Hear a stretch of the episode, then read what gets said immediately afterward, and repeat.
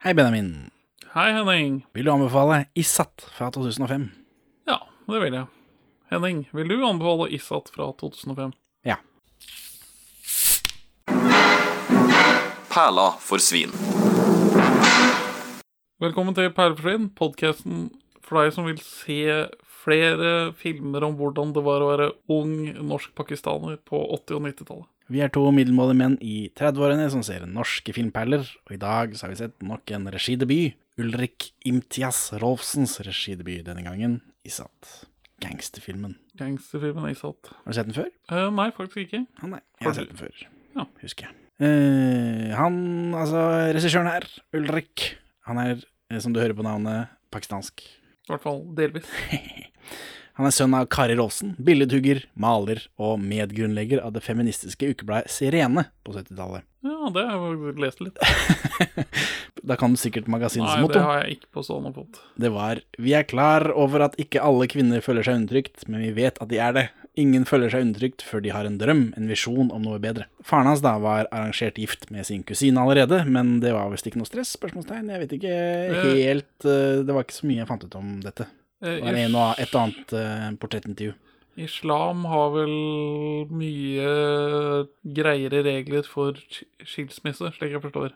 Ja vel. Men jeg tenkte på denne eh, Kari Rolfsen, feministen Kari Rolfsen også. Det var litt rart at hun syntes det var helt ok. jeg tror til og med kvinner eh, har lov til å ønske seg skilsmisset i islam. Ja vel, det Mens i jødedommen så må er det mannen som har endelig beslutningsvedtak på hvorvidt det er greit eller ikke. Det kan hende. Men disse foreldrene går iallfall fra hverandre når Ulrik er 14, og etter å ha fått to barn til i Norge, så flytter faren til Pakistan og får fem barn der. Eh, Og Ulrik og faren har hatt god kontakt, selv om de er uenige i synet på ting som arrangert ekteskap, f.eks. Ja, han, eh, han vil ikke arrangeres. Eh, Jeg vet ikke om det har kommet opp, men eh, han har gjort lagd en del arbeid om, eller en dokumentar og noe greier, om arrangert ekteskap.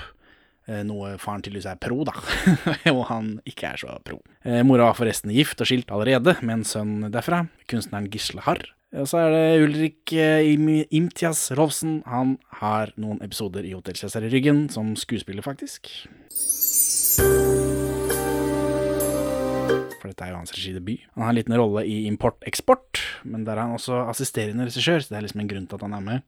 Og samme året så kom altså Issat, som, året som Import-eksport, eh, som han skriver sammen med Leon Bashir. Han er fra Tomme Tønner. Ja. Han snakker vi vel om i Tomme Tønner, eh, episode 35. Han eh, skriver Tomme, skriver og regisserer Tomme Tønner, og så har han vært litt i fengsel, og så er det noe greier. Jeg husker ikke akkurat åssen det var.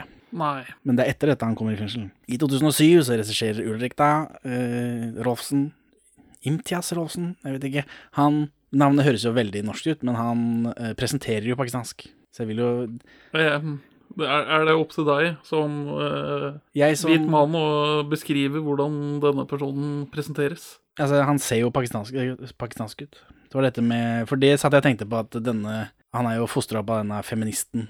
Så tenkte jeg liksom Er, er dette rett mann til å representere det pakistanske miljøet på 80- og 90-tallet? Men det tror jeg faktisk, for folk tror jo han er pakistaner. Når, hvis man bare ser ham på gata. Ja. Så hadde ja, jeg tenkt på at liksom Det, Det hjelper ikke hvor om du er adoptert, liksom. Hvis du er eh, fra Somalia så, og ser ut som en somalier, så vil jo folk ta deg som en somalier og liksom behandle deg på den måten. Ja, og det er oss eh, delvis eh, innvandrede som er white passing. Ja, du er jo er veldig vi. white passing, kanskje mest fordi du er 100% hvit. Ikke 100% Nei, det er bortsett fra den enorme penisgrevet ditt som du vifter med her nå. Ikke pass på øyet mitt! Uff, nå ble jeg flau, kjenner jeg. Ja, sånn, sånn er det. For du er en Du liker å hevde at du er en kvart perser. Ja. Ja, og, Altså, og en kvart evneveik. Ja. Så du Hei, vi, Det er mye i den suppa der. det, det er det. Ja.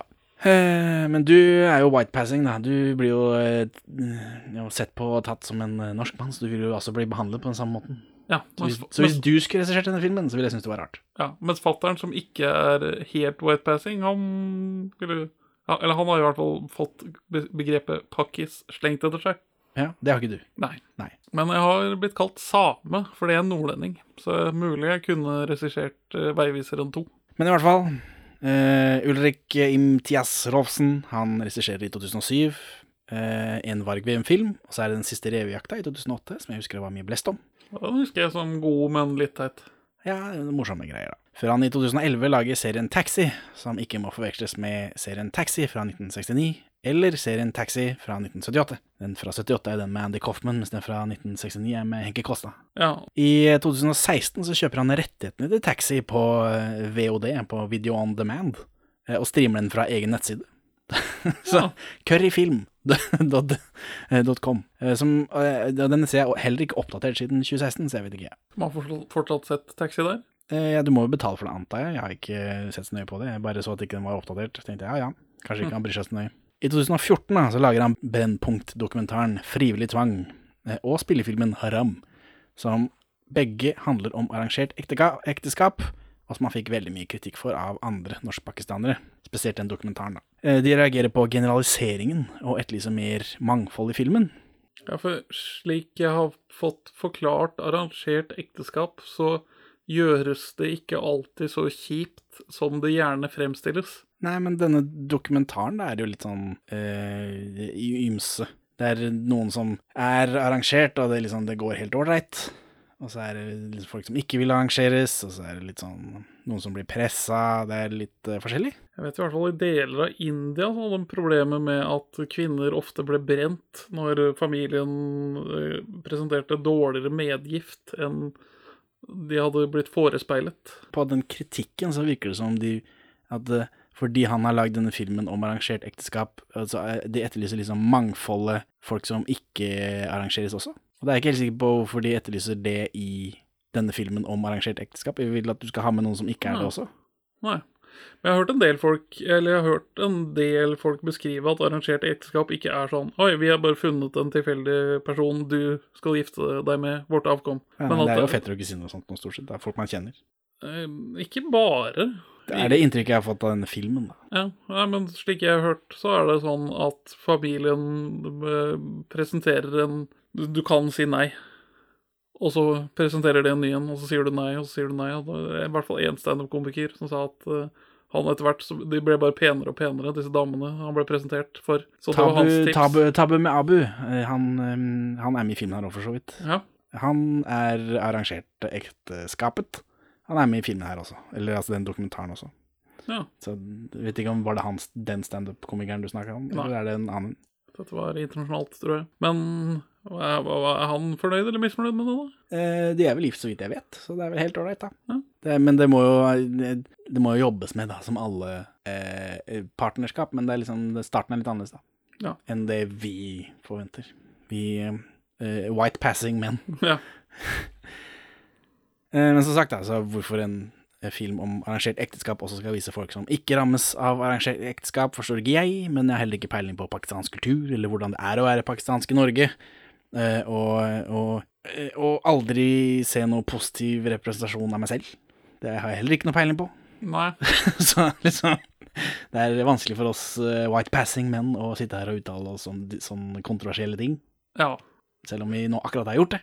Det typisk hvite menn. Ja, så vi kansellerer oss selv her og nå. Det er uh, full forståelse for at folk reagerer. Uh, full forståelse for at jeg ikke vet uh, hvordan det er. Men jeg, jeg fikk lyst til å vite mer av å se denne filmen. Jeg Ja. ble mer nysgjerrig på denne bølgen av norskfødte unge pakistanere og unge innflyttede pakistanere i denne perioden 80 til 90. For jeg kjenner jo, jeg kjenner jo en og annen norskfødt norsk-pakistaner fra når jeg gikk på skolen. Så jeg vet litt om hvordan de hadde det, men ikke sånn veldig dypt. Men tilbake til den dokumentaren, da. Så er det noen som også mener at han har snuska med tall fra SSB. Han har visst brukt noen tall om importekteskap feil. SSB viser jo ikke hvor folk blir importert fra når de giftes. Nei.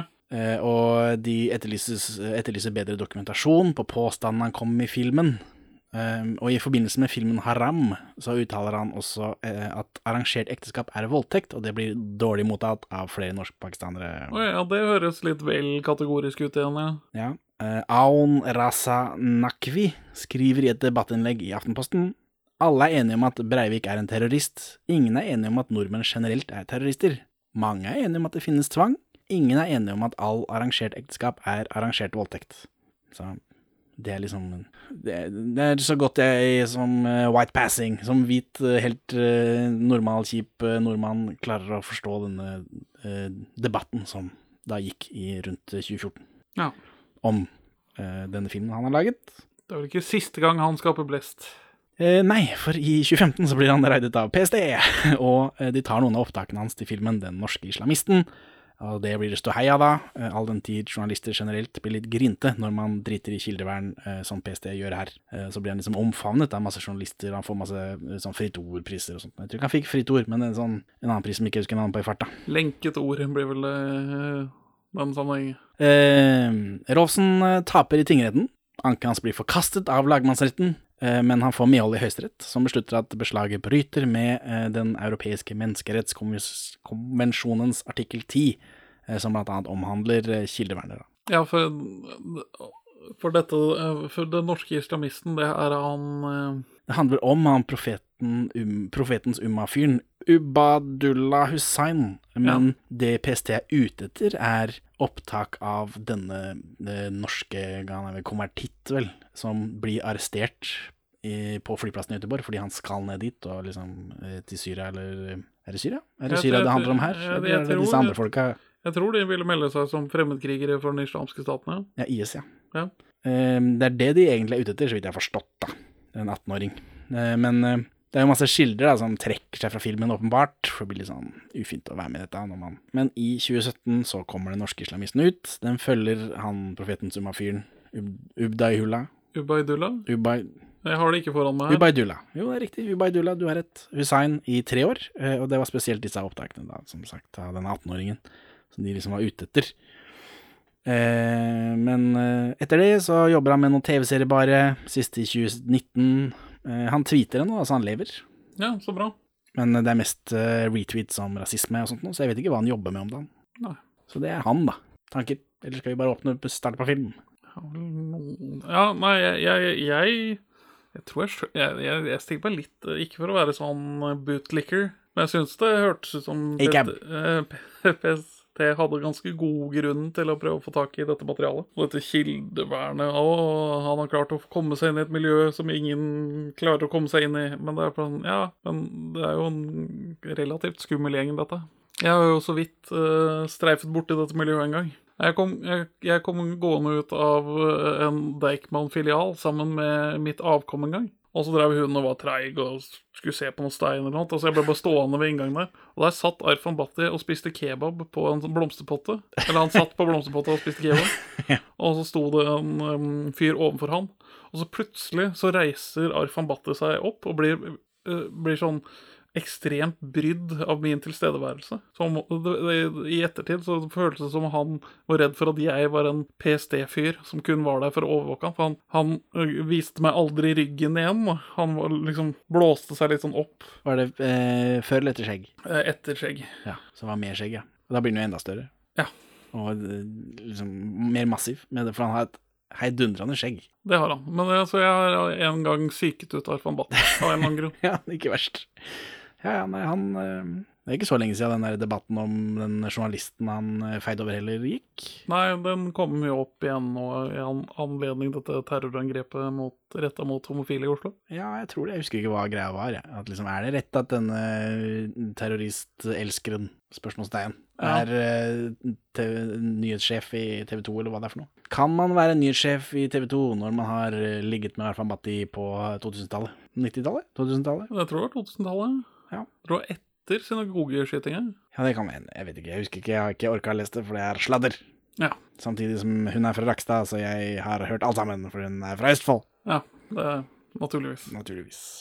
Hva syns du da om eh, den debatten? Uh... Kan man være nyhetssjef samtidig som man har ligget med terrorister? Ja, men det kan vel være lurt å erklære seg inhabil i noen saker, da. Det blir liksom litt rart om hun skal være ute og kommentere på det miljøet, liksom. Ja ja. Filmen åpner med sort skjerm og skriking. Så er det glimt av en fyr som blir banka med balter i skogen. Her, jeg har også hørt litt på, på kommentarsporet her, sånn, for uh, ja, det, jeg lurte på hva er det de driver med, åssen er det man lager film, osv., osv. Og jeg sa at den, det tok lang tid å finne fram til at de skulle åpne med den scenen her, for egentlig så bare åpner de med åpningen, men så trengte de trengte en punch. Ja, henger på grep. Så det er en fyr som blir banka med balltre i skogen, og så er det masse folk rundt. Og så får han av hovedrollefyren en gunner som han skyter fyren med. Så er det en voiceover som sier at eh, all jævelskap blir rutine som gangster, helt til du blir bedt om å drepe din beste venn. Syns du om voiceover? eh, Er det Goodfellas, dette? Det fungerer helt greit. Kjenner du stemmen, forresten? Nei, men det er noe rart med den. Det er noe rart med den. Ja, for det skal jo være stemmen til denne hovedkarakteren. Emil Marva heter han skuespilleren. Men han er ikke norsk-pakistaner, akkurat. Han er strengt tatt britisk eh, Og hans engelske Wikipedia så står det at han er britisk og at mora hans er norsk, mens på den norske Wikipedia så står det at han bare er norsk. Så, Ja. eh, men han er født i London, og han jobber bare med engelske filmer og serier, eh, men nominert til Amanda for beste skuespiller i den filmen her. Han er dubba hele veien av Ja. Sahid Ali. Som Han dukker opp så vidt i filmen her også, men han er vel Han står som konsulent eller noe sånt nå på rulleteksten. Og det var liksom forstyrrende. Nå visste jeg det jo, så det er kanskje derfor det var forstyrrende. For når jeg så det første gangen som tenåring, eller hva faen det var for noe, så la jeg ikke merke til det. Nei, det var stort sett ikke forstyrrende, men i visse Men noen sender seg er også veldig dårlig skuespill, da. Ja, da, da får jeg sånn Av denne dubbestemmen, kanskje. Jeg vet ikke om det hadde hjulpet. eh, Jeg får eh, sånn The Good, Band, The Ugly flashbacks. Altså disse italienske westernfilmene Ja, ja. hvor alt er dubbet. Ja. Det er, det er kjemperart. Jeg lurer på hvorfor de har gjort det sånn. Det var derfor jeg hørte på dette kommentarsporet. Jeg sier de noe om hvorfor i alle dager de har valgt et skuespiller som ikke kan snakke Ja, norsk? fra hva jeg fant i min eh, lille research, så var det fordi at han høres uh, britisk-norsk ut når han prater. Ja, det er derfor de har dubba, ham. jeg lurer på hvorfor har de valgt denne skuespilleren, da? Siden de må dubbe den. Men han er jo kjekk, da. Fins det ikke andre pakistanere som er kjekke nok? Han har kjekk og kjekk, han har et veldig Aksel Hennie-aktig utseende, syns jeg. Syns du ikke det? At de burde slå seg sammen og ha en sånn der eh, Nå, Twins-film? men nå må, jeg, nå må jeg søke opp her jeg, for å se på trynet hans igjen.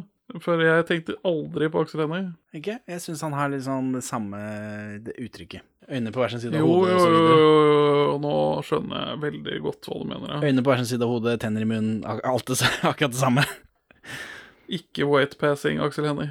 Ja, jeg syns han, jeg synes han ligner litt. Ja. Men, men ja, igjen, jeg forstår ikke. Det fins sikkert andre kjekke pakistanere. Hvorfor må vi ha med en som ikke kan snakke norsk, og dubbe han hele veien? Det virker som ekstra mye arbeid. Han kan vel snakke norsk, men at det ikke høres riktig ut, da. Ja, ja, hvorfor har de gjort det? Nei, har de med det? Det, det? For det fikk jeg ikke noe svar på når jeg prøvde å høre på. Nå hørte jeg ikke hele kommentarsporet, jeg bare blæsta gjennom eh, så fort jeg kunne. Spola litt til steder jeg trodde kanskje de skulle snakke om dubbinga, men det gjorde de ikke. Litt sidespor.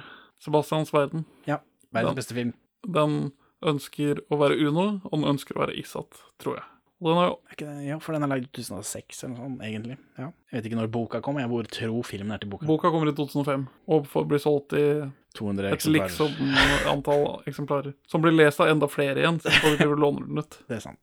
Eh, nei, men eh, jeg, jeg følte det er noe overlapp der, også da med denne å ha en hovedkarakter som ikke kan snakke riktig norsk.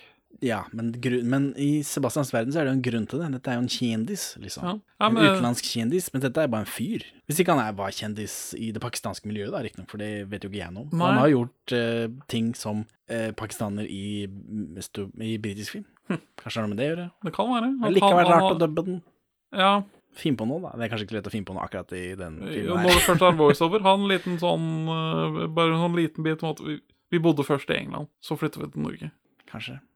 Jeg vet ikke. For litt av poenget er at de bor i Norge, på en måte, så det hadde Ja. kanskje vært vanskelig. Tenkte jeg. Når jeg akkurat, rett etter at jeg sa det. Finn på noe. Eh, ja. Men han har dubba det i hvert fall. Rart. All jævelskap blir liksom rutine når du lever som gangster. Du tror du er forberedt på alt.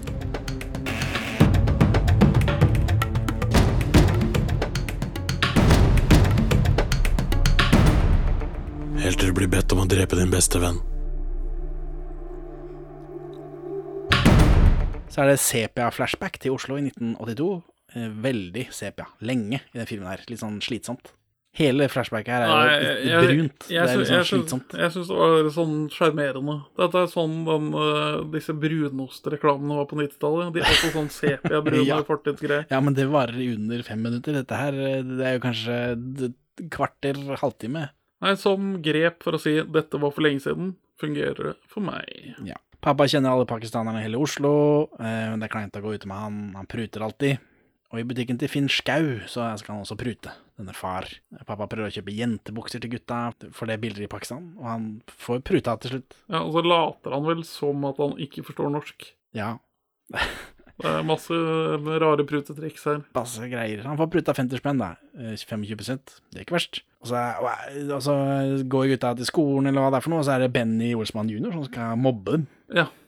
Eh, med, fordi de går med jentebukser og greier. Da, også fordi det stinker selvfølgelig sånn vanlige rasismegreier som, Det ja, klassisk møtte, rasistisk Benny. som vi hadde på barneskolen. Ja. Du, for du har gått på skole i Nord-Norge? Ja, ingen, ingen med Utenlandsk bakgrunn. Hva heter det Pigmelanin Ingen med melaninrik hud når jeg bodde nordpå.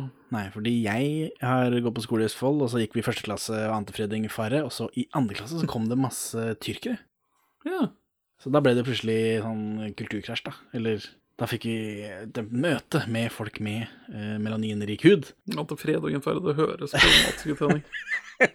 Ja, det er ikke det. Det var helt ålreit. Jeg, jeg er jo en veldig åpen og hyggelig fyr, så jeg var med disse folka hjem, og de var med meg hjem. Jeg fikk jogger som jeg aldri har sett før, og ting og tank, som jeg husker. Fordi jeg er en kul type. Ja. Eh, ikke alle som var like kule. Nei. Nei, jeg var men, Som barn, da. Eller så sikkert ennå, men uh... Nei, jeg gikk gjennom det er hardt å være barn. Barn er slemme, uh, selv når man er, har samme hudfarge. Ja, barn er helt jævlig. Det verste jeg veit om. Uh, nei, jeg gikk gjennom hele barneskolen før jeg fikk to av eh, to norsk-pakistanere i klassen i åttende klasse. Ja. Men det var den, det greiene her. Og hvitløk, og så kalte de oss potet, og så var vi liksom Der var vi, da. Brunost og liksom det greiene der. Ja. Det var ikke, det var ikke høyere nivå enn det. Nei, men dæven steike så mange fæle ting jeg kan si på urdu nå i ettertid. ja, var det. Men for her i kommentarsporet så sier at den scenen her var egentlig mye lenger, så det kan du se på DVD-en, da. Det gadd jeg ikke. Men, eh, men for han dukker bare opp her sånn, så Men, tenkte jeg dette her må jo være noe, men det var det ikke. Men dette er noe å skrive bak i øret til vi skal se Olsmann junior, da. At Det- vi kan Klippe inn at han eh, sier stygge ting eh, i Isat, ja, det er sant. Det er ganske sløy musikk, da. Hei! Hvitløk!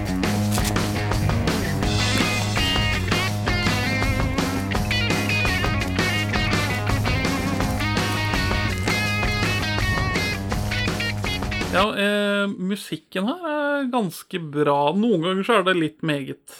Men det er mye norsk eh, rask rock. Og så er det sånn, eh, jeg vet ikke, pakistansk-inspirert spenningstromme, har jeg vel kalt det her. i- Det ligner litt på den der Sekstromma sextromma til Kim Haugen i, Olsmannen 14, er det det du sier? Nei, men det, det er en sånn, sånn ikke-norsk tromming som brukes i spenningssekvenser her, til, til ganske god effekt. Jeg føler jeg har sett det i andre filmer som er lagd etter dette. Eh, angående kommentatorer og eh, journalister, så er jo dette eh, På soundtracket til den her er jo avslutningssingelen til det norske rockebandet Glucifer. Ja, ja. ja. Eh, nå husker jeg ikke hva sangen heter i farta, men det er jo da han VG, vokalisten der, Biff Malibu, Biff Malibu, ja. gir seg jo i den rollen for å bli politisk kommentator i VG. ja. Under navnet Biff Malibu. Nei. Eh, Det er. Fridtjof et eller annet. Ja. Fridtjof Wilborn. Eh, Nei, ikke han. Men det er morsomt med Biff. Men den, og den Åssen gikk det med han, forresten? eh, Som eh, politisk kommentator i VG. Angående det å ligge med eh, hva du skriver om. Det er hakket bedre å ligge med en journalist enn det er å ligge med en terrorist. Nei, en, med en politiker enn det er å ligge med en terrorist. Så vidt. Ja. Så vidt bedre. Han, ja, han endte vel med å få noen problemer, gjorde han ikke det? Jeg vet ikke om han fikk problemer, men han måtte jo liksom gi seg, da. Men, det, men han gjorde det jo også selv, så jeg vet ikke om var det liksom Var det noen som sa at det, det er nå Dette må vi ta på kammerset, dette her eh, Beklager. Du er nødt til å liksom pakke sekken. Uansett. Gutta de roter rundt med noen togvogner og greier, og så finner de noen kasser med Levis.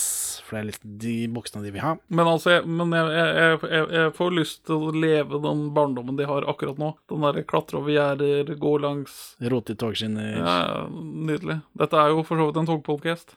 Det stemmer, selv om disse togene står. Det er ikke tog, dette er vogner, da. Ja. Vi er en vognpodkast blitt. Eh, så det er ikke noe mer jentebukser nå. Nå er det Levis Fallepenga. De sparker på disse buksene. Og så treffer de noen beinharde gangstere blant eh, vognene her, sånn, Ja, så som tar armhevninger, og så øver de på å slåss blant disse vognene av en eller annen grunn. Ja. Leon Bashir er der.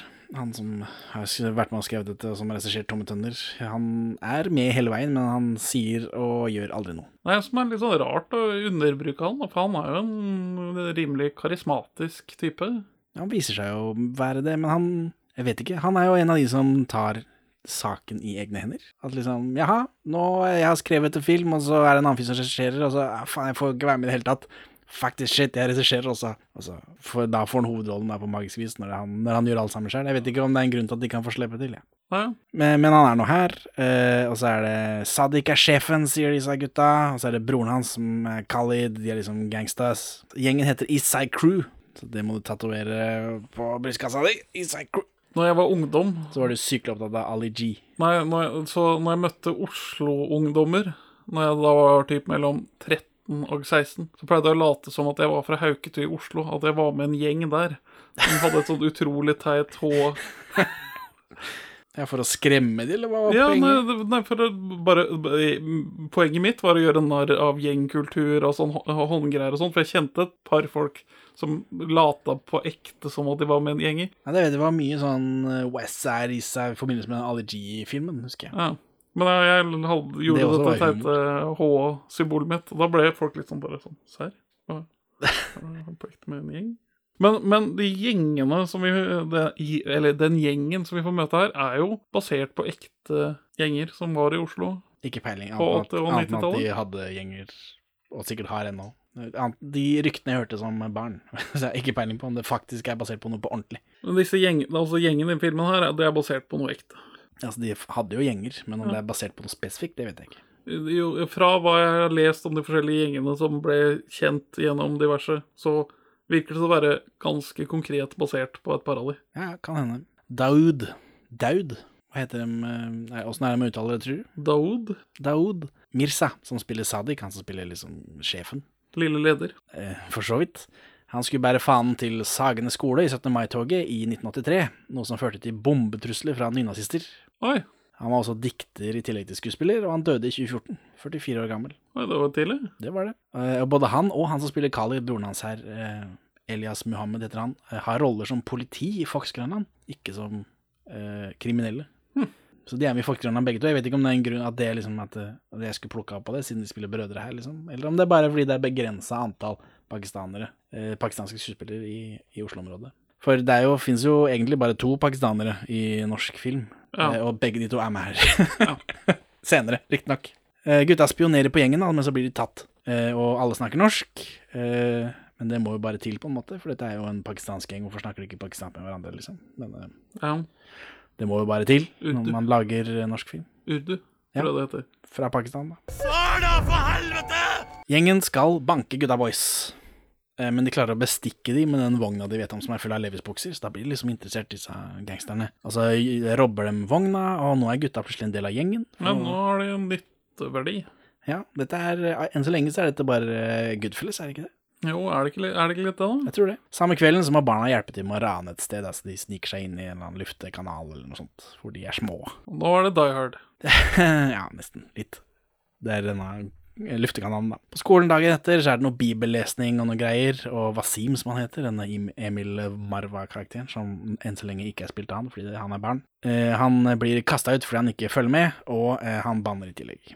Og så ler de andre gutta, så da blir alle sammen sendt til rektor. Dette er uh, ikke bra. Nei, dette er uh, litt uh, problematisk system. Profiling. Profiling. Men, Men det er jeg- fint at det er med, da. Eller, jeg- altså, det er interessant å se det. Eh, hun er sånn low-key rasistisk på en norsk og fin måte. Denne, denne, Ja. Hun syns synd på dem, på en måte. Disse stakkars pakistanerne. Dette- hun, må, dette hun må håndtere. Dette kjøper jeg. Dette føles levd. Den norske skolen er bygget på respekt.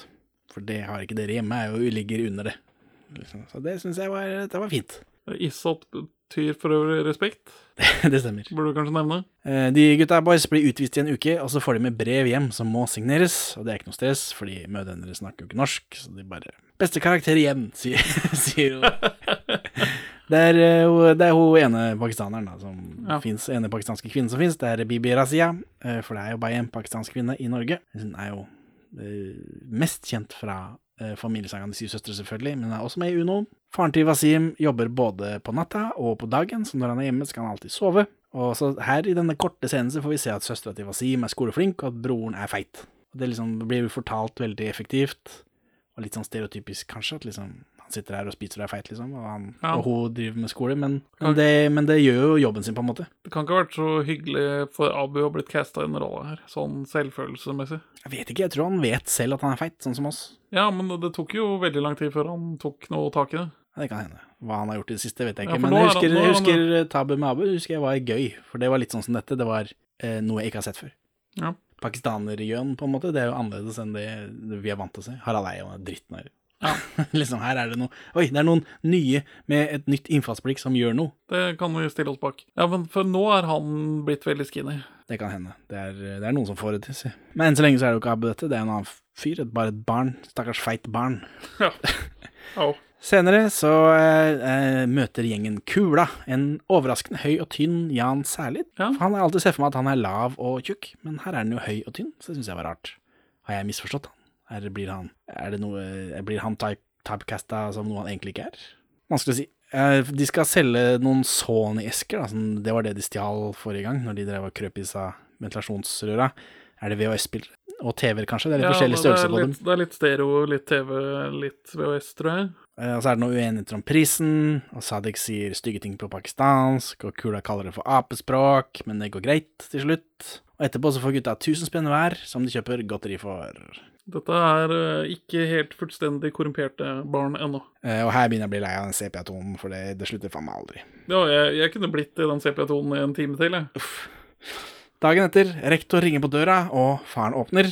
Rektoren lurer på eh, hvorfor han, eh, hvorfor Wasim da ikke har vært på skolen på tre uker, og faren reagerer kontant med å slå Wasim i trynet. Så, men i dette slaget så klipper vi liksom til Wasim som blir slått og får kjeft på en koranskole, liksom med en gang. Ja, Så, så det var smooth. og det, føles også som ekte levde opplevelser. Ja, for det er jo noe vi, som har dukket opp i aviser en gang iblant, at liksom det koranskolegreiene er ikke alltid så bra. Nei, og at det hender at, altså at man da vokser opp under norske forhold veldig lenge, og så plutselig bare sånn Oi, nå skal jeg være to-tre år på en madrassa i Pakistan. Fordi her får vi litt om det, da. At eh, får vi noen greier om at Pakistan er som en annen planet, og så er det noen fremmedgjøring. Han er liksom Han er jo Han er norsk i Pakistan og, Pakistan, og pakistaner i Norge. Det er liksom alt, eh, alt er feil hele tiden, alltid. Ja. Dette får vi ikke se noen andre steder. Nei, det er kjempespennende. Nytt perspektiv i norsk film, det er bra. Wasim blir der i to år, da. Altså Hjemme igjen så har faren kjøpt et gatekjøkken og leilighet på Stovner, så nå går det fremover, da. Og så blir Wasim blir sugd tilbake i gjengen. Ja. Og så snap, ti år senere. Nå er vi på 90-tallet plutselig.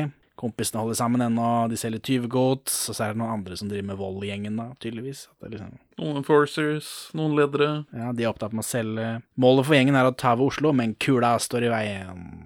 Kula driver kasino. Syns du han heter kasino? Det, det, det hender jo at det er sånn kasinobust i Oslo, da. Så jeg, og, ja, det, og det er her jeg virkelig får flashbacks til Sebastians verden. For det er, det, det er dette han vil at det utestedet i Sebastians verden skal være. ja, ja, den Dette der. Go-Go-greiene med Linni Meister. Uh, gjengen starter import av narkotika. Jeg antar det er heroin. Det er heroin. Uh, Wasim drar til en sånn rockesvenske som egentlig er Kulas kunde, og så selger de heroin til han, da. Er dette en kjent svenske? Jeg tror ikke det. Nei, jeg tror ikke Jeg det. tror bare en fyr. Så, ah, de sa et eller annet på det der kommentarsporet, at dette var en eller annen de kjente fra et eller annet. Ja, for det er en avdanka rockesvenske som nå tjener penger på å selge til andre rockestjerner. ja. Eh, så Han har en sånn herointester da, som er jævlig god. Han er en junkie.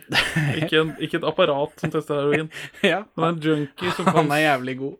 kan si deg hvor heroinen er produsert. Ja, og hvem som har smugla den, mest sannsynlig. Og da er du god. Eh, og her får vi vite at om du blir tatt med penga og stæsjet på samme sted, så er du fucked. Kula blir sinna da, for han vil jo ikke at folk skal liksom ta kunden hans. Eh, så han eh, drive-buyer denne gjengen. Og Wasim blir truffet. Men han har heldigvis eh, skuddsikker vest. Flaks at han tok på seg den den dagen der. Og, i, og, og, dette i bydelen jeg bor i nå. Ja, ble du redd? Fryktet du for deg og din families liv? Nei. Eh, og etter dette så holder kula seg til vestkanten, mens Eastside Crew tar resten av Oslo. For det gikk jo ikke etter planen, sikkert, da. Så nå lever gutta livet, de har mer penger enn de klarer å bruke, det er tynne damer og feite biler. Vanlige innvandrere er idioter. Så får en sånn utelivsmontasje. Ja, for de som prøver å være nordmenn eller noe sånt. Det Ja. er et eller annet sånt, en eller annen sånn snedig replikk Mhm. om det. utelivsmontasje, det er klining, det er champagne, det er kokain på pupper, det er en Side Ali-cameo. Ja, det er der han var. Der er han, vet du.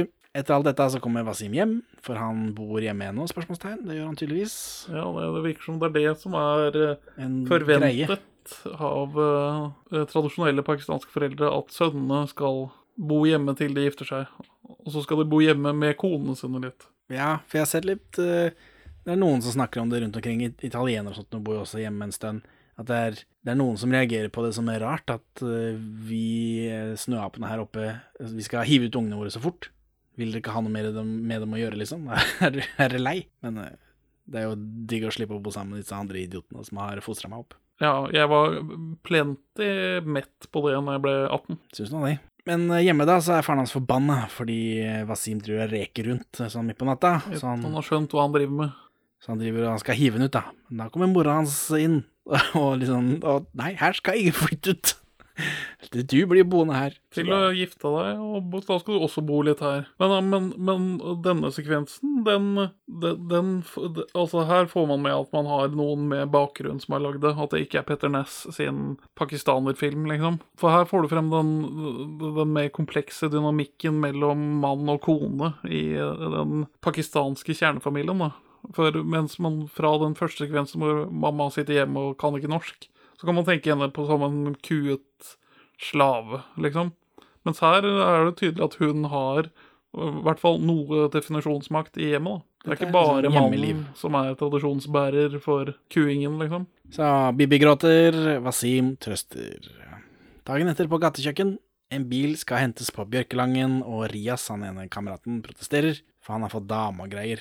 Men han blir med likevel. Og i voiceover så får vi høre at, eh, at han, Rias har begynt å forandre seg, han viser ikke respekt lenger. Og han Rias-fyren er en dårlig skuespiller, har jeg notert. Ja, det er vel derfor han blir knerta. Spoilers. Jeg vet ikke om det er derfor, men uh, Rias snakker dritt om Khalid, broren til sjefen. Så viser det seg at eh, Khalid dealer med dama til Rias hver gang de blir sendt ut. At det er derfor liksom han må gjøre så mye dritt hele tiden. Det er for at han skal drive og fingre etter kvinnfolket. Dagen etter så blir Khalid eh, tatt med heroin i bilen. Og det er den samme heroinen som bare Rias og Wasim visste om. Oh shit, har jeg skrevet. Det er, det er dårlig strategi. Ja, men fordi her trodde jeg at det skulle være at, eh, at eh, Wasim plutselig var i far også, for det var jo bare han og han andre fyren som visste om det. Men det har de tydeligvis løst opp offscreen uten noen problemer. Ja, men han ene, hans, han ene har jo gått under jorden etter dette skjedde, så da drar han mye skyld mot seg selv. Ja ja, men jeg tenkte at Det det første, de første, den første timen liksom, så burde det vært noe litt stress, men det, vi får ikke se noe. Så jeg trodde at dette skulle være en større deal for Wasim. Og han, han som blir pågrepet, har på seg Jurassic Park-bokser. Altså, det har jeg ikke notert. Eh, Det står i hvert fall Jurassic Park-bokser i mine notater her. Ja, må jeg... det kan hende det er 90-tall, det. Eh, Khaled blir deportert til Pakistan, som er det verste som kan skje. For det er gøy igjen, altså. En Ja, for- gøy observasjon som kanskje ikke en eh, norskfødt eh, screenwriter og regissør ville fått med seg. Ja, For Vi får jo litt backstory på disse brødrene som leder denne gjengen, da. Om at de ikke har lovlig opphold i Norge. Så han, de bare skipper han ut istedenfor å sende han til soning. Og det da er en dårlig skjebne for de. For da kommer de plutselig til Pakistan og starter på nytt, blir sauebønder istedenfor å være utelivskonger. Jeg skjønner at det er et eh, steg ned. Så det neste som skjer, er at de finner Rias. Gjengen eh, tar seg inn på denne hytta da, som han har eh, gått under jorda med. Og Der er det en skremt dame, for Rias er ute og jogger. Og så blir dama truet med pistol i musa. Uhøflig. og, så, så kommer Rias hjem, så da jager de han, og så skyter Sadik dama. Uhøflig. Ja, men veldig på en veldig sånn off-cam-måte. Vi får ikke vite noe mer om hennes skjebne. Nei, fordi det var egentlig ikke med, sa de på kommentarsporet. Det bare var noe de la på etterpå, for hvorfor ikke? Det er kjempeteit. Den har litt sånn skjødesløs behandling av kvinner noen ganger, den filmen her. Jo, men det er mange norske filmer som har, er ikke det? Jo, jo. Sebastians verden, nei, den er egentlig overraskende progressiv. Ikke kanskje på kvinnedelen, men med dette homseriet. Ja. Eller nei, den har jo det problemet hvor den later som at den er progressiv på homsegreiene, men bare Ja, viser heterofil sex. Stemmer. Hm, kjemperart. Verdens beste film. Respekt. Respekt, man. Men nå er vi der filmen begynner, da, hvor Rias henger og dingler, og så får han bank i skogen med et jernrør, og så knekker de legen hans, som ser vondt ut. Ja, det er en god effekt. Så blir Wasim bedt om å skyte Rias, men han har ikke lyst, så da tror de å skyte han, og da kommer det sånn pompøs kormusikk, og en sånn flashback-montasje. Og så Ja, skyter han fyren, der. For det er tre venner som starta dette eventyret sammen, og, nå er han i en situasjon hvor han må knerte en av dem. Jo, men vi er jo liksom eh, knapt halvveis ute i filmen. Jeg trodde liksom dette skulle være et slags klimaks. Dette er vel det man kaller for vendepunktet. Det, det er noe som kommer før klimakset, og alt endrer seg. Wasim vasker henda i snøen. Det er jo sånn man gjør når man har eh, blod på henda, er å vaske henda. Ja, og så klipper det vel til at han vasker henda ved en senere anledning. Men, eh, men sånn billedspråkmessig sett så syns jeg denne filmen her er overraskende god. Altså, Greit nok å vaske henda er liksom basic bitch-symbolikk, men det fungerer. Macbeth. Det er fra Macbeth. Er det fra Macbeth? Mm. For Lady Macbeth vasker henda i skyld. Ja. Men det fungerer veldig godt her. Også i denne sekvensen hvor uh, Rias er ute og jogger, så er, er det et veldig sånn pent bilde at han i liksom hvit drakt i hvit snø driver og løper langs veien. Og det, det, eh, denne ligger over gjennomsnittet for bruk av bilde som en del av fortellerteknikken. Det er veldig, øh, veldig sjelden det gjøres i norsk film. Bruke bildet, ja. Til å fortelle noe. ja. Eh, Det finnes jo bare én pakistaner i Norge, selv om denne filmen er et vandrende bevis på det motsatte. Men nå klipper vi altså til Nasrullah Qureshi. Vår gode venn. Eh, Alt dopet blir borte etter at eh, Rias tysta, da. Så da blir det sånn, litt sånn trøbbel. Så de trenger nye kurerer, og Nasrullah er en av dem. Og så er de nesten rimelige. De gir forskuddslån og greier på liksom disse pengene Nasrullah skal få. Så Nasrullah kan beholde butikken sin til han kommer tilbake. Og så har han videoovervåkning i butikken sin, og det var ikke så lurt, for da klikker det for Wasim også. Eh, For han, eh, han har jo trøbbel etter Rias. Og så sitter Nasrullah på og ber på, eh, på gulvet. Han ber, om, ber for livet sitt. Jeg syns det var effektivt og fint. Og så er det den, den klikkinga fra Wasim når Zaid Ali skal liksom skrike og være gal i dette dubbestudio. Det funker ikke for meg. Nei, det, det er vel her det begynner å knirke for meg òg, denne dubbingen. Men jeg, sy altså, syns uh, Zaid Ali har klart å vri stemmen sin bort fra sin egne stemme. Ja, jeg, kan, vet ikke, jeg kan ikke, la ikke merke til det, men så har jeg ikke, har jeg ikke et, noe spesielt inntrykk av Zaid Ali heller. Hva er det han har gjort for noe annet, da? Det er den derre Juli Tøyenkata. Ja, Og, og det er det. Og standup, selvfølgelig. Eh, Helfjord. Helfjord har jeg sett en del. Ja, Hadde han ikke en eller annen fast rolle på et eller annet Otto Jespersen-program òg? Helt sikkert, men det, dette er jo ikke Jeg føler ikke at jeg har At jeg har han i minnebanken, på en måte. Når ikke jeg kan se han. Nei. Wasim setter seg i bilen, og Sadiq trøster han, da. Og så får Wasim eh, beskjed om å brenne den VHS-en. Gjør han det da, Benjamin? Det gjør han ikke. Herregud. Lillebroren til Wasim spiller for lånte penger på kasino til Kula. Han syns synd på seg selv fordi han er så feit. Dette er jo uh, Tabu med Abu. Ja, Som ikke er en spesielt god skuespiller, påstand. Jeg la ikke merke til det. Jeg Jeg var veldig opptatt av den der dubbinga til Zaid Ali, da. Så Ja. jeg vet ikke. Her blir det referert til Nusrat Fateh Ali Khan, som er en sanger da, som veide over 300 kilo da han døde. ja, Og lillebroren er jo spilt av Abibakar Hussain. Hussein. Eh, Han er med i ganske mye av det Ulrik Rolfsen lager, egentlig. Blant annet den tvangsgitte dokumentaren som nevnt, og i den Haram-filmen, som jeg ser noen steder så står det at uh, før filmen, den Haram-filmen kommer ut, så er det oppfølgeren til Isat. Men jeg vet ikke om de mener spirituell oppfølger, eller, eller faktisk oppfølger, for han er med i den også. Men ikke, du har ikke sjekka om det er samme karakter? Det kan jo hende det. Jeg vet, nei, jeg har ikke sjekka det. Jeg så ikke så nøye på det. Jeg regner med vi kommer til Haram en dag. Som handler om hvordan det er å vokse opp i en kommune som betyr noe annet på et annet språk. ja, i Haram. Som ikke eksisterer lenger, tror jeg. Vet ikke. Jeg tror den øh, gikk dukken i forrige kommunesammenslåing. Det er så trist. Det, det er haram. Ja, det er haram, altså. Kommunesammenslåing. Den kukken har banka opp broren min. Abu skylder eh, 150 000 kroner, men han sier at han ikke vil betale fordi kula har juksa. Ja, det er litt seint å komme med etter at du har tapt alle pengene dine. Wasim kommer da og henter denne tjukkasbroren på legevakta, for han har fått juling av kula. Eh, men Abu vil ikke si hva som har hendt, men så sier han det likevel. Og så er det veldig vondt å høre på dubben her. Ja, veldig. Dette, nå sliter de. Men du, tilbake til kontoret til Kula. Først og fremst, jeg tror det står en Tandberg-kassettspiller i hjørnet der. Nei takk, dette har vi ikke tid til. Men, og men, Nå, vi må han- videre. Hold kjeft! Wasim og denne kameraten som ikke er drept ennå, eh, driver og steiker ut eh, kula. De sitter liksom og, og følger med. Og så er det noe menneskeliggjøring med denne kameraten. At han snakker om dama si som skal på skole i Australia osv. Tenkte jeg nå dør han også, men det gjør han ikke, heldigvis. Eh, De følger etter kula da, og kula parkerer på en øde parkeringsplass av en eller annen grunn.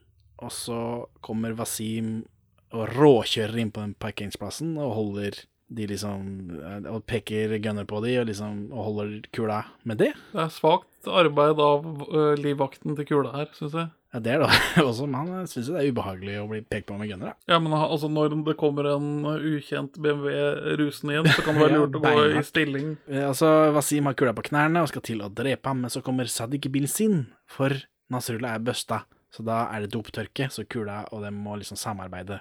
Så, og så er vi tilbake i gatekjøkkenet, hvor Wasim er skuffa for at broren hans ikke er verdt noe. At han bare er en eh, feit idiot. Og, eh, og så må denne kameraten dra og hente dop. Selv om de vet at det er en veldig dårlig idé når du er allerede kjent av politiet. Ja, jeg vet ikke hvor kjente de er. De sier det i hvert fall, at det er dumt, for de vet hvem vi er. Jo, men så er de også desperate, da, tydeligvis. Wasim kjører kompisen til flyplassen, og så bonder de litt til før han liksom drar. Men han sier at han eh, drar ikke til Pakistan for å smugle dop, han drar til Australia istedenfor. Fuck you guys, for dette her er ikke noe liv. Nei, For nå er det på vei nedover med denne gjengen. Så det er ikke så dumt, da. Eller? Da- det, synes dette er lurt? dette er lurt. Wasim sitter utenfor blokka si og stresser i bilen. Og så sniffer han litt greier, og så kommer søstera og Bibi, og så tror jeg Wasim kjører dit til flyplassen, for de skal besøke en onkel eller noe sånt som jeg antar bor i Pakistan. Vi får ikke se dette, jeg vet ikke hvorfor akkurat dette øyeblikket ble Hvorfor dette øyeblikket var så fylt av detaljer som vi ikke får tilbake. Nei, mulig noe ligger igjen på klippegulvet her. Det kan hende. Og så drar Wasim tilbake til gatekjøkkenet, og Sadiq forteller at kompisen ikke kom frem. Og her funker det den unaturlige dubben, da, i det minste, fordi Wasim bare 'nei, jeg vet ingenting', og det er liksom med den der dubben oppå, så ja, tenkte jeg, ja, den kjøper jeg faktisk.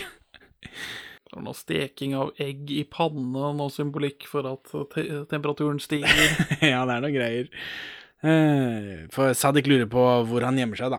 Og så stapper han Wasim ned i en tallerken med salat. Den verste tortur. Ja, det er det siste stedet du har lyst til å være.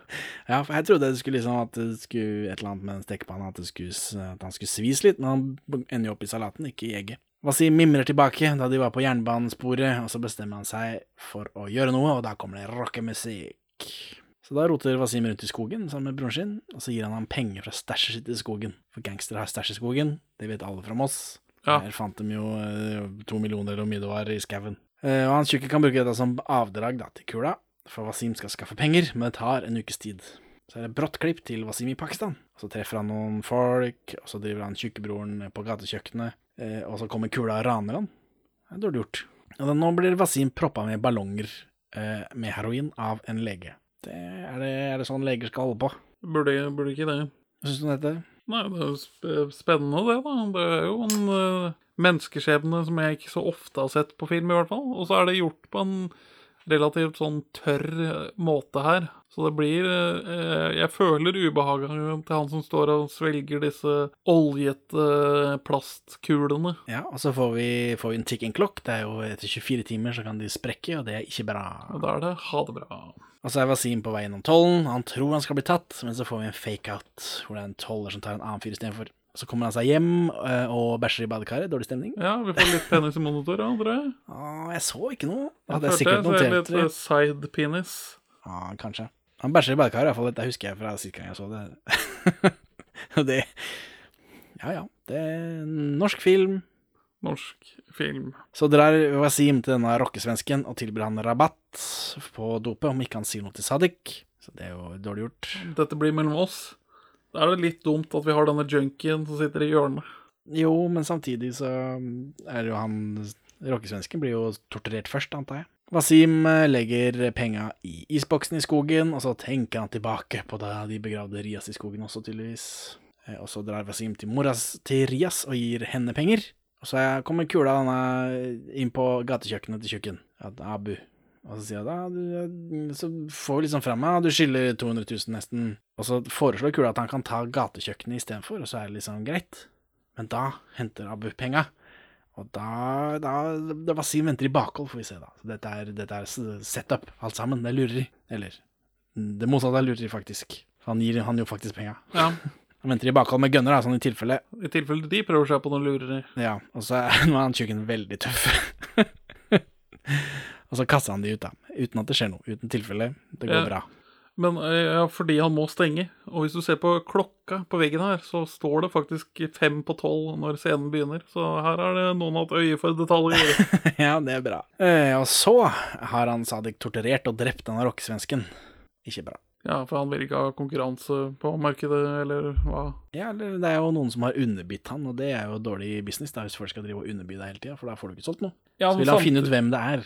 Det er det som er eh, spørsmålet her. Men samtidig så er det sånn, du får jo alltid solgt narkotika. Skulle tro det, men nå var det dette med prisen, da. Ja. Og så er det plutselig en, ukjent uh, aktør på markedet. Det liker han sikkert heller ikke. Nei. Så er det denne, denne dopsmakeren hans eh, til denne rockesvensken som liksom sier hvor, hva som skjer, da. For han blir også torturert. Noen stalker Wasim, som har hele familien i bilen. Så blir det nesten drive-by, men det er en buss som krasjer i de, som skyter, og i Wasim bil, og det er liksom det, Hvor fort går denne bussen? Ja, og, og det kommer ut fra en bakgård, og det er noe sånn Det, det er noe veldig forvirrende geografi i den sekvensen her. Ja. Men geografien blir kanskje forvirrende når du kolliderer sånn uansett. Faren til Wasim blir jævlig forbanna. Han blir så forbanna at han får hjerteinfarkt med en gang. Og søstera skylder på men Det er hans skyld. At dette er hjerteinfarkt, det er din skyld. Ja, ja, Say it, don't spray it. Det blir kanskje litt overtydelig her. kanskje. Wasim treffer Sadik på et offentlig sted, sånn for sikkerhets skyld. Wasim drar frem denne VHS-en da, fra butikken til Nasrullah. Det er min livsforsikring. Og her får vi, her får vi, her får vi også noe billedspråk, da, hvor denne kontrasten mot de gamle damene som sitter og spiser lunsj på kafeen, kontra det lille gangster, gangsterboksen han er fanget i. For det, der, det brukes liksom de veggene mellom båsene brukes til å liksom vise hvilken, hvor trangt det er i boksen til Wasim, var det det han het? Det stemmer. Ja. Eh, ja, og så knuser Sadek VHS-en, og da så det skjærer hjertet mitt. Ja, det, Herregud, er tenk, det kan jo være hva som helst på den VHS-en. Eh, men så drar Wasim frem en til, da. Sånn, ha-ha-ha, morsomt. At, eh, selvfølgelig har han flere kopier. Eh, Sadik truer han med at han har pistolen Wasim skjøt Rias med. Han har spart på den, da, med fingeravtrykk og greier. Wasim sier bare ja ja, whatever, jeg er norsk statsborger, liksom. Jeg kommer i fengsel, du drar til Pakistan. Eid. Absolutt. Wasim kommer hjem. Bibi vil at, eh, altså mora hans vil at Wasim skal kjøre søstera si på en konsert som ikke er ferdig før klokka to. Wasim sier eh, til mora si at eh, nå skal alt bli bra. Skal det det? det skal ikke det. Bunnen er ikke ennå nådd. Så Sadiq gir en annen guttegjeng eh, noen piller og, og en jobb. Denne guttegjengen er en parallell til denne hvordan Wasim og kompisene hans kom inn i gjengen. Dette er en ny bråte med norsk-pakistanske ungdommer som verves til det kriminelle liv. Litt eh, hardere da, enn de hardere oppdrag enn de fikk, disse andre gutta. Ja. Gutta, disse gutta da, som får dette oppdraget, tar med seg søstera og venninna til Kulas kasino etter denne konserten, hvor Sadik er. Ikke bra. Klassisk sånn ungdomsløgn, da, å si at noe varer lenger enn det det skal. Søstera får en drink uten alkohol, men med pille. Å nei. Ja. tanker. Dette, dette er ikke bra. Dette er ikke bra. God tanke. Wasim kommer for å hente dem, men hele gata er tom. Hele gata på Rockfield er tom, det tror jeg ikke noe på. Eh, Så de har jo løyet på tiden, selvfølgelig. Søstera er dopa i dette kasinoet, sjangler rundt, har trøbbel. Og Wasim driver og kjører rundt og leter. Og så eh, banker kula opp og voldtar søstera til Wasim, mens Sadik filmer. Ufint. Ja, og, Åssen er det med fridging og sånn, er det bra? Dårlig? Hæ? Fridging? Hva, Eh, det er kjøleskaping. Hva for det er igjen? Det er når eh, kvinner eh, brutaliseres for å motivere den mannlige protagonisten. Ja, nei, det er ikke noe bra, og det, det føles det, det, Ja, nei, jeg, jeg, mm, jeg, jeg syns det Filmen taper seg her. For dette blir uh, exploitation. Altså, det blir liksom bare Det blir liksom bare dritt. Bare Ja, jeg skjønner Hva er motivasjonen, liksom? Og så er det gjort på en smakløs måte, og det er liksom Ja, det blir litt sånn sekundær uh, tertiærbehandling av kvinner jeg ikke samtykker er- til i min film. Ja, det er jo noe bruking, da. Det er jo det det er. At hun blir liksom Hun er ikke en karakter, hun kunne vært en lampe. Ja. Om det hadde vært en lampe han var jævlig glad i, så kommer kula og voldtar den lampa, så det er det samme. Wasim er på gatekjøkkenet, og, da, og han ser på denne filmen som han har fått tilsendt, eller hvor kommer dette fra? Dette Ja, her det- mangler en scene, føles det ut som. ja. Eh, Sadik vil bytte kassett, da, sier han, mens han filmer seg selv mens han ser på voldtekt og innrømmer at det er hans, eller hva, jeg vet ikke. Ja, Det er noe greier her, men er- han er jo allerede fucka, antar jeg. Ja, for her prøver han å spille på sånn pakistansk æreskulturgreie, da. Altså hvor nå må vi holde hemmelig at eh, min søster har blitt voldtatt, for nå er hun Ja. ikke lenger jomfru. Eh, eh, Wasim drar til faren sin på sykehuset, og han er i koma eller noe. Dette er jo Uno, er det ikke det? Jo. Han sitter bare der, skjer ikke noe. Eh, Wasim treffer noen damer utenfor Kulas kasino som han gir noe som vi ikke ser, og så går han inn. Dette er vel, hvis ikke dette er 100 feil, så er det denne dama til Rias eller noe sånt nå. Jeg syns de så kjent ut. Jeg tror de har vært med dukka opp før. Jeg tror de dukka opp i montasjene. Ja, men de er jo ikke noen karakterer. Så. Nei, nei, det er kvinner. det er sant. Wasim eh, skal inn på dette kasino, eh, og så blir han padda ned. At han blir liksom ransaket. Men eh, det er ikke noe problem, for det er ikke noe der. Og så distraherer den ene dama vakten, mens den andre gir Wasim en gunner. Så nå er det on. Hva er motivasjonen for disse kvinnene til å eh, Det var det jeg tenkte, da, at, liksom, at kanskje dette eh, For eh, at en av disse kvinnene var kjæresten til Rias, eller et eller annet sånt. Og hvis ikke det var hun som var i den hytta, selvfølgelig. da. At liksom, de allerede er på kant med denne gjengen. Med denne slemme fyren. Har du lyst til å bli aktør i en snart pågående drapsetterforskning? Ja, men de er gangstere fra før, ikke sant? Narkotika og uteliv og alt dette greiene. Det så jeg for meg. Men så blir Wasim padda ned igjen, rett før han skal inn på dette kontoret, av Farouk, som har vært med hele tida, som ikke vi har snakka om. Eh, det er bare en fyr på kommentarsporet sier at han er taxisjåfør, men han kom inn og gjorde en jævlig bra audition, så da ble han plutselig eh, skuespiller i den filmen. Eh, men denne Farouk er visst ikke så fan av voldtekt, så han, selv om han merker at han har pistol, så slipper han Wasim inn. Flaks for Wasim. Sadik og Kula er der. Wasim vil ha søstera si. Ja, for den atferden til hans gjengleder og Kula hadde ikke ære, virker det som han syns. Ja, han sier jo etterpå at han har også en søster. Ja, det er også et veldig sånn mannlig perspektiv. Det er det, men dette, vite... dette er 2005, da. Ja, jeg fikk vite at voldtekt var galt. Jeg kjenner jo også kvinner i min familie. Ja. Sadik og Kula er der inne på kontoret. Wasim vil ha søstera si. Wasim har en kopi av denne filmen som, av Sadik da, eh, hos advokaten sin, som han ikke får henta før i morgen. Eh, og da sier de at ja, da får du ikke støtta di heller før i morgen. Og så eh, skyter Wasim Kula i balla to ganger, og en gang i huet. Ufint å skyte folk i balla. Og så kommer Farouk da, med søstera, som eh, han tar med seg denne søstera ut, for han sier han har også en søster. og så blir de borte fra filmen. Og så er det noen andre som skyter inn i rommet, og så de skyter i døra, da, før Wasim får skutt Sadik, og så begynner Sadik og Wasim å slåss. Slåssescene, hva syns du? Det er, det er spennende og litt antiklimatisk litt om hverandre, men Sadik skal til å skyte Wasim, men da kommer plutselig purken. Snut er ut, ei cab. De ødelegger dette. Sadik skal til å ta Wasim, men Wasim trekker først, og så skyter han pang. mens han driver og kaster seg gjennom lufta For å ta en annen pistol, og så blir han skutt av. Hele tiden mens politiet roper 'slipp åpne, slipp åpne'. Jeg er veldig skeptisk til at disse politifolkene ikke bare hadde plaffa ned disse brune, Det- brune mennene med pistol. Det sliter jeg med å kjøpe. jeg. ja, Men vi er ikke i USA, da, så kan hende at kan jo hende det, Altså, det, det er først når politiet ser seg selv i et speil, at det blir farlig. Ja, pjong. Her ble jeg overraska, for jeg hadde i hodet mitt at Sadik blir eh, sauebonde i Pakistan. For jeg har jo sett den filmen en gang før. Så jeg trodde at han ble det til slutt, på slutten av filmen. Men Ja. det ble han ikke, han ble drept. Ja, det er broren som ble det. Ja, så her har jeg rota opp et eller annet. Så er det klipp til Ullersmo fengsel i 2005. Nå er vi i nåtid. Wasim har hår og skjegg og briller, voksen nå.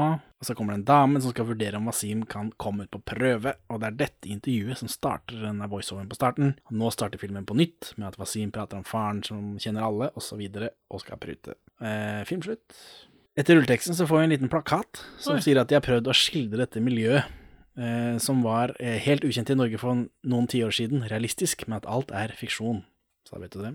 Så Benjamin, hvorfor vil du anbefale Issa? Nei, jeg har ikke sett denne norske filmen før. Eh, Mens den helhetlig ikke fungerer. Den har noen ganske grove third act problems. Altså hvor man ikke helt har klart å bygge til noe spesifikt og gi noen god forløsning på det man har bygd opp til, og heller bare slenger sammen noe actionsekvens og noe søstervoldtekt. Så nei, sånn alt i alt så kjedet jeg meg lite og var bergtatt av denne lille uh, dette lille krimdramaet, tror jeg den står som sjanger. Eh, ja, det er en gangsterfilm, da. Hei, så Henning, hvorfor vil du anbefale denne filmen? Eh, jeg liker miljøet, jeg har jo sett den før. Og da jeg, i ungdommen så husker jeg at jeg mente dette var en bra film. Jeg synes det at eh, det Som barn, som ungdom, så syns jeg at eh, den slutter med begynnelsen igjen. At den derre Å, det er faen, det er, han sitter i fengsel og forteller det, han forteller hele filmen! Wow! Det, det var fantastisk! Det husker jeg. Eh, men jeg liker miljøet i filmen, alle disse rare bikarakterene, atmosfæren, liksom. Og så er jeg jo, som noen ganger nevnt i denne podkasten, så er jeg litt sånn svak for å se kjente ting fra nye perspektiver. Sånn, det er derfor jeg vil at Kjell og Valborg skal være somaliere i den nye filmen. At det her, det må vise meg noe nytt, da, for svarte. Eh, Goodfellas, men alle er pakistanere. Jeg er med. Så sånn er nå det. Og så er det noe forstyrrende Aksel Hennie over Emil eh, Barva. At Ja. de burde spille tvillinger på et eller annet tidspunkt. Og den dubben er jo fryktelig forstyrrende ofte. Eller på slutten spesielt. Og rundt halvveis i filmen så blir det veldig, veldig forstyrrende. Ja. Og, og ja, det er rart. At jeg skjønner jeg, jeg lurer på hvorfor. Jeg har ikke funnet noe sted hvorfor de har valgt å, en skuespiller som de må dubbe. Jeg tipper det bare likte halv... Var det for seint, liksom? At de Hadde de spilt inn filmen og så bare ah, faen, dette funker faen ikke. Jeg tipper han var perfekt på rollen, bortsett fra at han ikke kunne prate. Ja, men da er han jo ikke perfekt. du kan ikke, det er ikke stumfilm. Men det er, det er film er et visuelt medium, og hvis han har karisma til å bære rollen Jo, det må jo finnes en annen pakistaner som snakker norsk, som også har karisma. Ja, men klart, man må jo finne seg folka, da. Eh, Så sånn er nå det. Ha det bra, Benjamin. Ha det bra, Henning. Takk for at du hører på Perler for svin. Du finner oss først og fremst på perleforsvin.no, men også på Twitter under perler-for-svin, Facebook som perleforsvinpod, eller du kan maile oss på perleforsvinpod at gmail.com. Gi oss gjerne en eh, rating i din lokale podcast-avspiller, og, og legg igjen en beskrivelse, så folk skjønner hva det er for noe tull vi egentlig driver med. Her er ukas Pål Bang-Hansen-sitat ute av kontekst. Også i kveldens utgave av Filmmagasinet skal vi se litt på videobransjen. જે આપણી પાંડી ફૂદીમાં Hva er det for noe? Hva var det for noe? Jeg sa bare at du var en god businesspartner. Det derre apespråket ditt, det kan du ta med deg hjem til jungelen. Her i byen så snakker vi byspråk. En av de beste podcast-episodene noensinne, denne Ja, den, den, Lisa-episoden til uh, Tusvik og Tønne. Faktisk uten at vi skal pushe andre podcaster her. Men Nei, den... den oppbygningen eh, på Den er dra dramaturgisk riktig fortalt. ja, den gikk jeg inn og hørte etter å ha notert meg at det var det eneste som ble snakka om på Twitter den dagen. Ja, for det var på den tiden jeg enda hørte på de. Men nå har de jo bytta til en eller annen app og bla, bla, bla. Og, så, og så er jo det samme har skjedd med eh, Tusviken, men hun får ikke lov å fortelle noe, så bare Hvorfor skal jeg høre på dette hvis ikke du kan si det? Samme.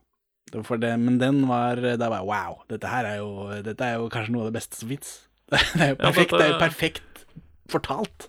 Godt håndverk. Godt podkasthåndverk. Er kjedelig at det skjedde, selvfølgelig, men eh, det er verdt det når det blir content av det, da. Var det jeg skulle Ja, fram til. liksom. Det alt for content. Ja. Ofrer alt. Så bare vent til livene våre faller fra hverandre. Det skal bli noen jævlig bra podcaster.